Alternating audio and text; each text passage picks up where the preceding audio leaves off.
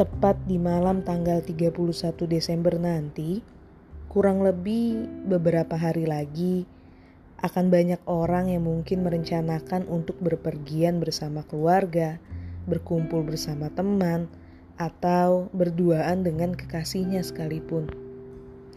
Ya, yang pasti mereka melakukan itu untuk merayakan malam tahun baru dengan sukacita, sambil sesekali melantangkan suara, mengatakan akan mewujudkan resolusi yang sudah ada. Ada yang ingin memiliki badan ideal, ada juga yang berjanji pada diri sendiri untuk berpola hidup sehat, dan bahkan ada juga yang ingin masuk ke jenjang hidup yang lebih baru. Lalu, terus kenapa? Apakah itu menjadi masalah bagi saya? Oh tentu, nggak sama sekali. Saya hanya ingin mengatakannya saja. Toh lagi semuanya itu adalah hak semua orang bukan? Mau mewujudkan resolusi baru ataupun mewujudkan resolusi lama, bagi saya itu adalah hak semua orang.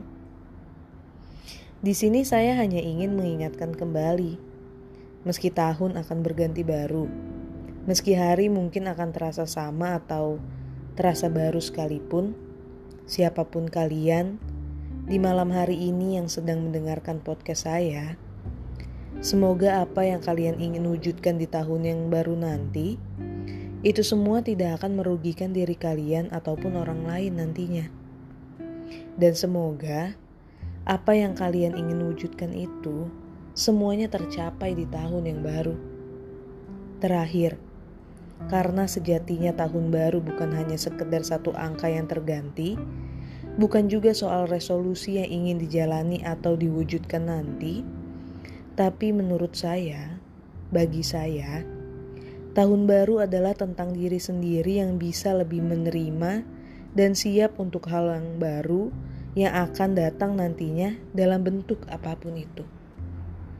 Jadi, selamat malam semua. Selamat berlibur bagi yang dapat libur pastinya dan jangan lupa untuk istirahat.